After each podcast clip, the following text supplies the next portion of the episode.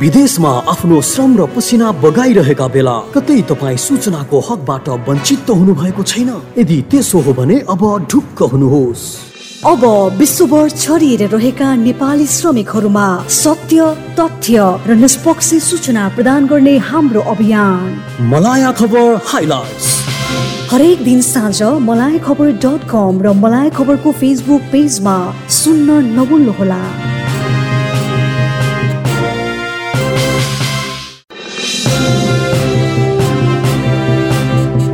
यो समय हो मलाया खबर हाइलाइट्सको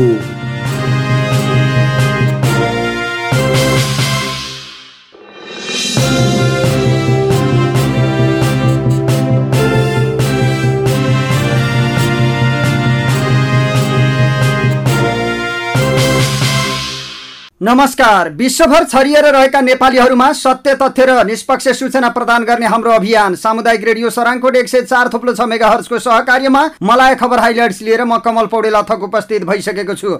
अब यस खबरका प्रमुख शीर्षकहरू। मलेसियामा कोरोना भाइरस पुनः दिन प्रतिदिन बढ्दै आज मात्रै दसजनाको मृत्यु संक्रमण नियन्त्रण नभएपछि भारतको राजधानी नयाँ दिल्लीमा लकडाउनको अवधि थप। प्रविधिको प्रयोग गर्न चिकित्सक र अस्पताललाई प्रधानमन्त्री मोदीको आग्रह। गण्डकी प्रदेशसभाको विशेष अधिवेशन जनमोर्चाको समर्थनसँगै तीन दल उत्साही। हिन्दू सेन्टिमेन्ट तान्दै केपी ओली राप्रपाबाट फुत्किँदै एजेन्डा। दोस्रो लहर सुरु भएसँगै कास्कीमा आज सबैभन्दा धेरै सङ्क्रमित। कोभिड विरुद्धको लडाइँमा एकजुट भएर लाग्न पार्टी पङ्क्तिलाई ओलीको निर्देशन। पूर्वाञ्चल विश्वविद्यालयको प्रश्नपत्र आउट कर्मचारी सहित दसजना पक्राउ। र उज्यालोका पत्रकार गिरफ्तारको घटनाप्रति नेपाल पत्रकार महासङ्घको गम्भीर ध्यानकर्षण।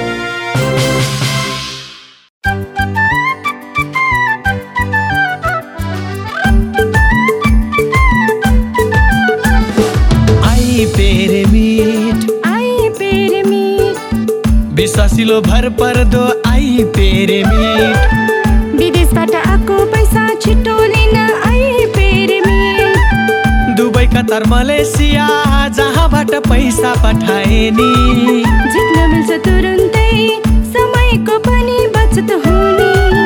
तपाईँको घर आँगनमै सेवा दिन आएको छ आई पेरे मीठ गाउँ सहर सबैतिर छाएको छ आई पेरे मीठ विदेशबाट घर आँगनमा पैसा पठाउन ढुक्क भएर सबैले प्रयोग गरौँ। तपाईँको हाम्रो आफ्नै रेमिट आइपी रेमिट विदेशबाट आइएमई गरेको पैसा सिधै तपाईँको मोबाइलमा लिन मिल्छ। अहिलेको अवस्थामा बाहिर गएर पैसा निकाल्न त्यति सजिलो छैन। त्यसैले आफ्नो मोबाइल निकाल्नुहोस् आइएमई पे डाउनलोड गर्नुहोस्। अनि घर बसी बसी आफ्नो रकम प्राप्त गर्नुहोस्। विदेशबाट आइमी गरेको रकम प्राप्त गर्न आफ्नो मोबाइल फोनमा आइमी पे डाउनलोड गर्नुहोस्। अब आइएमई गरौँ। आइएमई पेमा प्राप्त गरौँ? सजिलै। अब खबरहरू विस्तारमा। मलेसियामा कोरोना भाइरस कोभिड उन्नाइसले सङ्क्रमित हुनेको सङ्ख्या तिन लाख बयानब्बे हजार नौ सय बयालिसजना पुगेको छ भने सङ्क्रमणको कारण अहिलेसम्म मृत्यु हुनेको सङ्ख्या एक हजार चार सय छत्तिसजना पुगेको छ।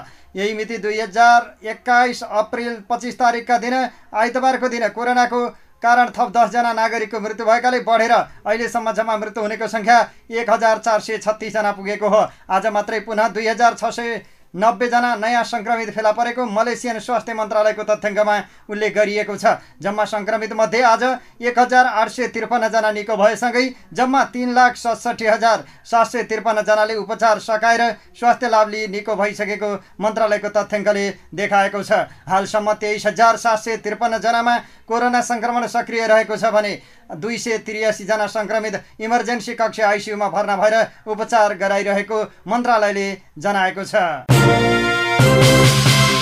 भारतको राजधानी नयाँ दिल्लीमा लकडाउनको अवधि थप एक हप्ताका लागि बढाइएको छ। मुख्यमन्त्री अरविन्द केजरीवालले आगामी सोमबार बिहान पाँच बजेसम्मका लागि लकडाउन जारी रहने जानकारी दिएका हुन्। उनले सङ्क्रमण रोक्न लकडाउन अन्तिम हतियार भएको बताए। यसअघि दिल्लीमा गत उन्नाइस अप्रिलदेखि लकडाउन सुरु भएको थियो। जुन अप्रिल छब्बिस बिहान पाँच बजेसम्म जारी रहने थियो। केजरीवालले आइतबार पुनः अक्सिजनको कमीको मुद्दा उठाए। उनका अनुसार केन्द्रसँग चार सय नब्बे मेट्रिक टन अक्सिजन माग गरिएकोमा सो हालसम्म प्राप्त नभएको बताए। दिल्लीमा दैनिक सात सय मेट्रिक टन अक्सिजन आवश्यक रहेको उनको भनाइ छ। केजरीवालले लकडाउन लागू गरिए पनि हालसम्म सङ्क्रमण कम नभएको जिकिर गरेका छन्। कोरोना विरुद्ध यो अन्तिम हतियार थियो तर अहिले पनि सङ्क्रमण कम भएको छैन। हामीले सबैसँग छलफल गर्दा लकडाउन लगाउन सुझाव आयो। लकडाउनका दौरान सङ्क्रमण दर छत्तिसदेखि सैँतिस प्रतिशतसम्म पुगेको थियो। एक दुई दिनमा यो दर तिस प्रतिशतभन्दा कम पुगेको छ। हामी भगवान्सँग प्रार्थना गर्छौँ कि चाँडै हामीलाई कोरोनाबाट मुक्ति मिलोस्। दिल्लीमा शनिबार बाइस हजार छ सय पन्चानब्बेजना सङ्क्रमित पाइएका थिए। सो दिन तेइस हजार पाँच सय बहत्तरजना निको पनि भयो भने तिन सय सन्ताउन्नजनाले ज्यान गुमाए। दिल्लीमा हालसम्म दस लाख चार हजार सात सय बयासीजना सङ्क्रमित भइसकेका छन्। यसमध्ये आठ लाख सन्तानब्बे हजार आठ सय चारजना निको पनि भएका छन् भने तेह्र हजार आठ सय अन्ठानब्बेजनाको मृत्यु भएको छ। त्रियानब्बे हजार अस्सीजनाको उपचार भइरहेको छ। भारतका प्रधानमन्त्री नरेन्द्र मोदीले प्रविधिको प्रयोग अधिकतम गरेर सेवा सञ्चालन गर्न स्वास्थ्यकर्मी र अस्पतालहरूलाई आग्रह गरेका छन्। मन की बात नामक रेडियो कार्यक्रमको छिहत्तरौँ श्रृङ्खलामा बोल्ने क्रममा उनले स्वास्थ्यकर्मीहरूले सूचना र प्रविधिको प्रयोग गरेर स्वास्थ्य सेवा दिन सकेमा कोरोना भाइरस विरुद्धको लडाईँ प्रभावकारी हुने बताएका छन्। प्रविधिको प्रयोग गरेर विशेष गरी कोरोना सम्बन्धी सल्लाह दिने सेवा सुविधाका बारेमा बताउने जनचेतना जगाउने लगायतका कार्य गर्नु उपयुक्त हुने उनको भनाइ छ। स्वास्थ्यकर्मी नै कोरोना विरुद्धको अग्रपङ्क्तिका लडाका हुन्। उनीहरूले नै यसमा धेरै खट्नु र सहयोग गर्नुपर्छ उनले भनेका छन्। गण्डकी प्रदेशमा मुख्यमन्त्री पृथ्वी सुब्बा गुरुङ नेतृत्वको सरकार विरुद्ध संसदमा अविश्वास प्रस्ताव दर्ता भएपछि सरकार र विपक्षी दलहरू आफ्नै रणनीति अनुसार संसदीय अङ्कगणितको जोडघटाउमा लागेका छन्। सोमबारका लागि प्रदेश सभाको विशेष अधिवेशन आह्वान भइसकेका कारण पनि दुवै पक्षले निर्णायक कदमको तयारी थालेका छन्। माओवादी केन्द्रका दुई मन्त्रीले राजीनामा दिएर सरकार विरुद्ध अविश्वास प्रस्ताव ल्याउने गृह कार्यमा जुटेपछि प्रदेशमा निर्णायक मानिएको राष्ट्रिय जनमोर्चालाई फकाउन मुख्यमन्त्री गुरुङ लागि परेका थिए।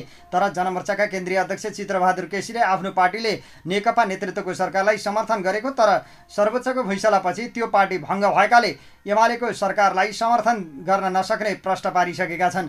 मुख्यमन्त्री गुरुङले सत्ता टिकाउनका लागि जनमोर्चा जनता समाजवादी पार्टी नेपालका केन्द्रीय नेतृत्वदेखि प्रधानमन्त्री केपी शर्मा ओलीसम्मलाई भेटेर आफ्नो पक्षमा माहौल बनाउने प्रयास गरे पनि साना दलले साथ नदिएपछि निराश भएको बताइएको छ। उनले गण्डकी प्रदेशमा पहिले रामबहादुर थापा बादल निकट मानिएका र हाल माओवादी केन्द्रमा रहेका तीन सांसदलाई फकाएर सत्ता जोगाउन प्रयास गरेका छन्। नेकपा एमाले र माओवादी केन्द्र भ्याउताउने सर्वोच्चको फैसलापछि तीन वर्षदेखि कायम रहेको मुख्यमन्त्री गुरुङ नेतृत्वको झण्डै दुई तिहाईको सरकार विरुद्ध गत वैशाख दुई गते अविश्वास प्रस्ताव दर्ता भएको हो। राष्ट्रिय प्रजातन्त्र पार्टी राप्रपाले पार्टीले जबरजस्त रूपमा अघि सारेको हिन्दुत्वको एजेन्डा फुत्किने खतरा देख्न थालेको छ। राप्रपाको एजेन्डा एमाले अध्यक्ष केपी शर्मा ओलीले खोज्न खोजेको भन्दै राप्रपाका नेताहरूले चिन्ता व्यक्त गर्न थालेका छन्। प्रधानमन्त्री समेत रहेका एमालेका अध्यक्ष केपी ओलीले पछिल्लो समय के एकपछि अर्को गर्दै हिन्दू जनमतलाई आफ्नो पक्षमा पार्ने गरी गतिविधि गर्दै आएपछि पछिल्लो राप्रपा सशङ्कित मात्रै बनेको छैन।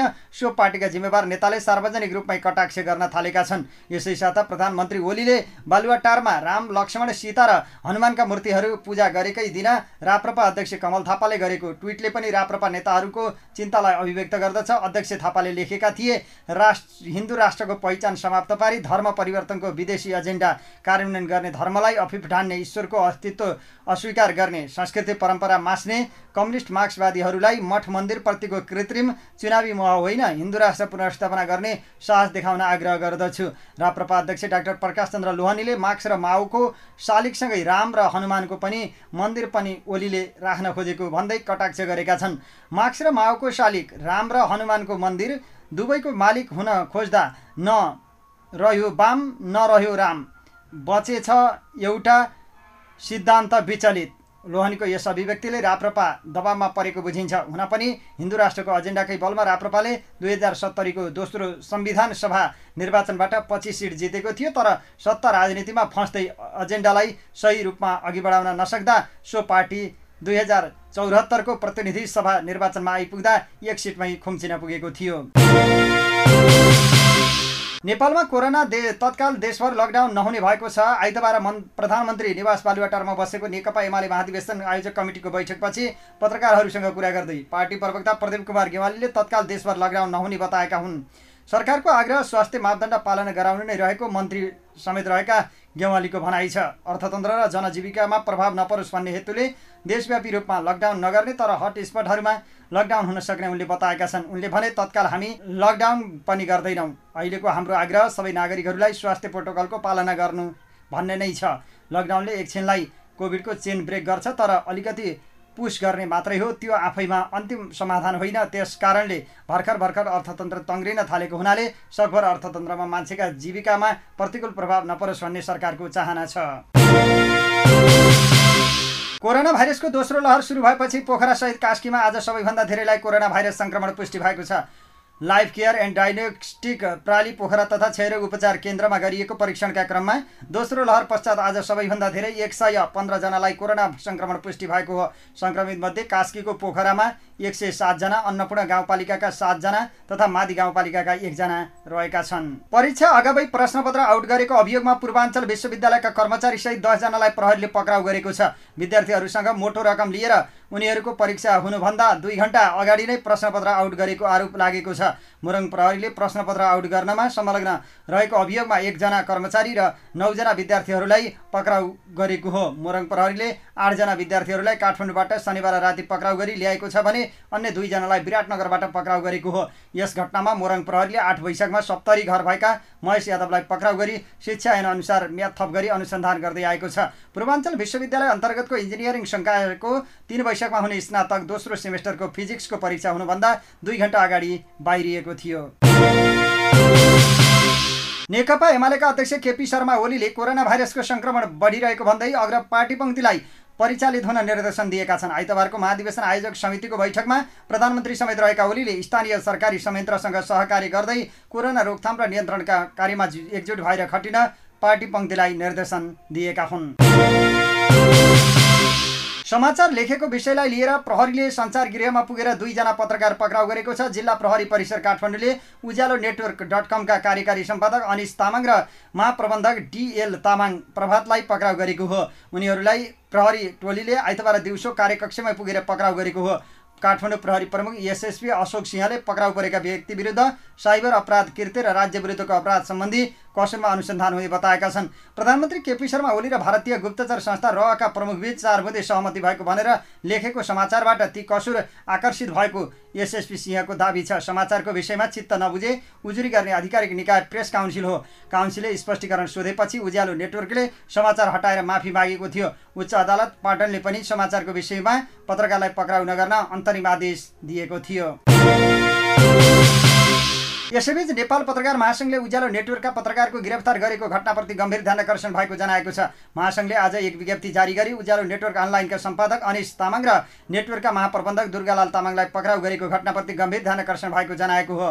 पाटन उच्च अदालतले शुक्रबार समाचारको विषयमा टुङ्गो नलागेसम्म निवेदकलाई पक्राउ नगर्नु नगराउनु भन्ने आदेश दिइसकेको स्मरण गराउँदै महासङ्घले यस्तो अवस्थामा कार्यालयमै पुगेर पत्रकारलाई गिरफ्तार गर्नुले लोकतान्त्रिक विधि र प्रक्रिया मात्र होइन संवैधानिक व्यवस्थामाथिकै ठाडो हस्तक्षेप भएको ठहर गरेको छ। महासङ्घका महासचिव रोशन पुरीद्वारा जारी विज्ञप्तिमा भनिएको छ पाटन उच्च अदालतले शुक्रबार समाचारको विषयमा टुङ्गो नलागेसम्म निवेदकलाई पक्राउ नगर्नु नगराउनु भनी पत्रकार तामाङ सहितका निवेदकको मुद्दामा आदेश दिइसकेको छ। साथै अनलाइनमा प्रकाशित समाचारको विषयमा प्रेस काउन्सिल नेपालले आफ्नो क्षेत्राधिकारभित्र रही निरूपण गरिसकेको छ। यस्तो अवस्थामा अनाम नगर स्थित कार्यालयमा पुगेर पत्रकारहरूलाई गिरफ्तार गर्नुले लोकतन्त्र विधि र प्रक्रिया मात्र होइन। संवैधानिक व्यवस्थामाथिको ठाडो हस्तक्षेप भएको महासङ्घको ठहर छ।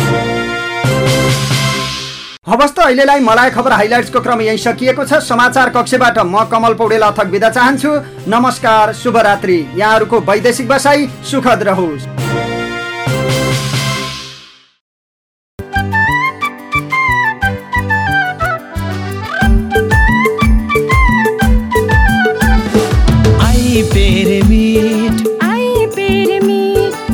विश्वासिलो भर पर्दो आई पेरे